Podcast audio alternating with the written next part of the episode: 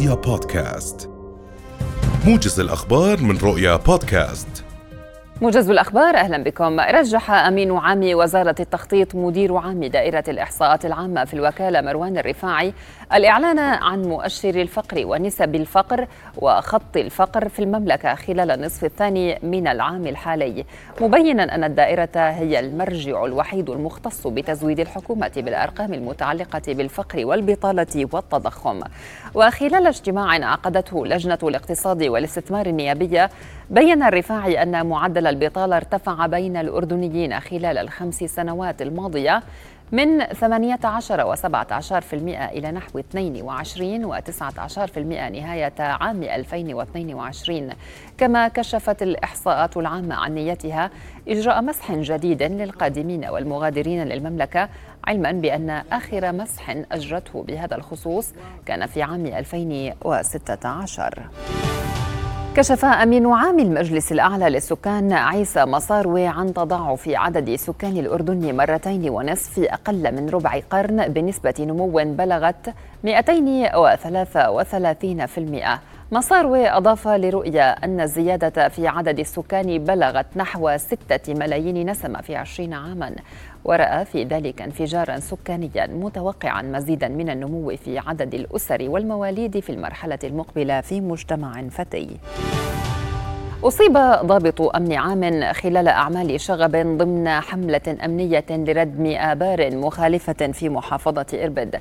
وبحسب الناطق باسم مديرية الأمن العام وخلال الحملة الأمنية قام عدد من الأشخاص بأعمال شغب بهدف عرقلة عمل القوة. فيما جرى إسعاف المصاب للمستشفى وهو قيد العلاج مؤكدا أنه تم التعامل مع أعمال الشغب وضبط 16 شخصا شاركوا بها ستتم إحالتهم للقضاء. اقتحم مستوطنون متطرفون باحات المسجد الأقصى المبارك اليوم بمناسبة ما يطلقون عليه عيد المساخر اليهودي وسط دعوات مقدسية لتكثيف الرباط في المسجد. الجماعات الاستيطانية كشفت عن نيتها فرض طقوس تلمودية وشعائر توراتية داخل الأقصى وطالبت المنظمات الاستيطانية وزير الأمن القومي في حكومة الاحتلال اثمار بن كفير بإغلاق الأقصى أمام الفلسطينيين لمدة عشرة أيام طيلة أيام أعيادهم التي تتزامن مع شهر رمضان المبارك. أعلنت وزارة النقل السورية اليوم أنها قررت تحويل هبوط طائرات المساعدات الإغاثية المرتبطة بالزلزال بعد تعرض مطار حلب الدولي لقصف من الاحتلال الإسرائيلي أدى إلى خروجه عن الخدمة. الاحتلال الإسرائيلي كان قد نفذ عدوانا جويا من اتجاه البحر المتوسط غربي اللاذقية مستهدفا مطار حلب الدولي بحسب وكالة الأنباء السورية سانا.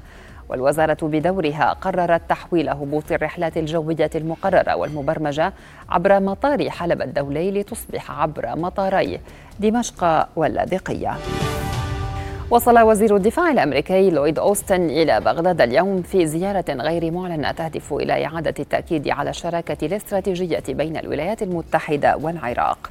أوستن قال في تغريدة له عبر تويتر إن بلاده تمضي قدما نحو عراق أكثر أمنا واستقرارا وسيادة.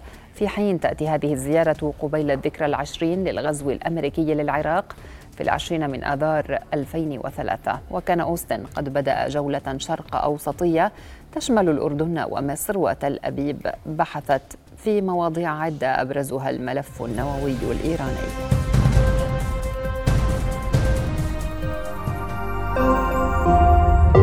رؤيا بودكاست.